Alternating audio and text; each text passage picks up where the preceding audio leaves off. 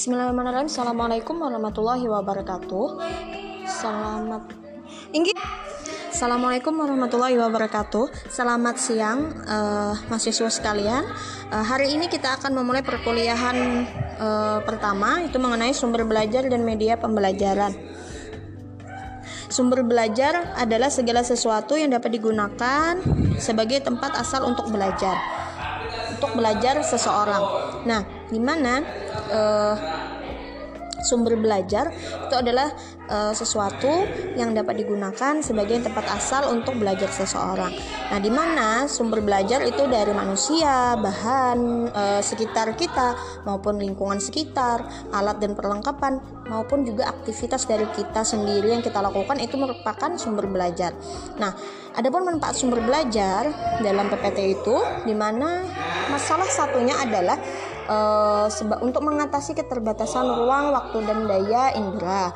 Kemudian lagi mengkonkretkan hal yang abstrak. Nah, kemudian lagi jenis sumber belajar juga adalah uh, sumber belajar yang dirancang dan juga ada sumber belajar yang dimanfaatkan.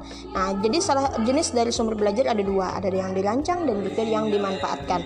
Yang dirancang itu kita yang membuatnya kita yang membuat uh, sebuah sumber belajar tersebut. Kalau yang dimanfaatkan itu sudah ada sumbernya, misalnya dari buku kah, dari manakah. Nah, dan itu yang langsung kita gunakan untuk uh, sumber belajar kita.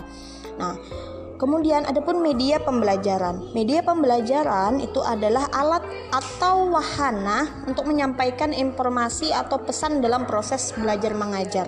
Dengan adanya media pembelajaran, semua uh, pembelajaran yang ingin kita sampaikan itu bisa tercapai dengan baik. Artinya ada uh, alat untuk memudahkan kita ketika menjabarkan suatu pembelajaran sehingga orang bisa memahami apa yang kita sampaikan. Kemudian lagi Adapun manfaat dari media pembelajaran untuk anak usia dini itu adalah mengkonkretkan konsep-konsep yang abstrak sehingga mereka bisa melihat secara nyata.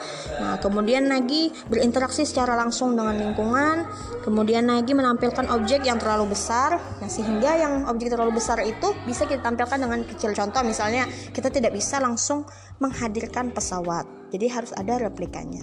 Nah, selebihnya bisa dibaca di sana dan jika lo ada yang ingin ditanyakan silahkan. Nah, penggolongan media juga ada auditif. Auditif itu berarti medianya yang didengar.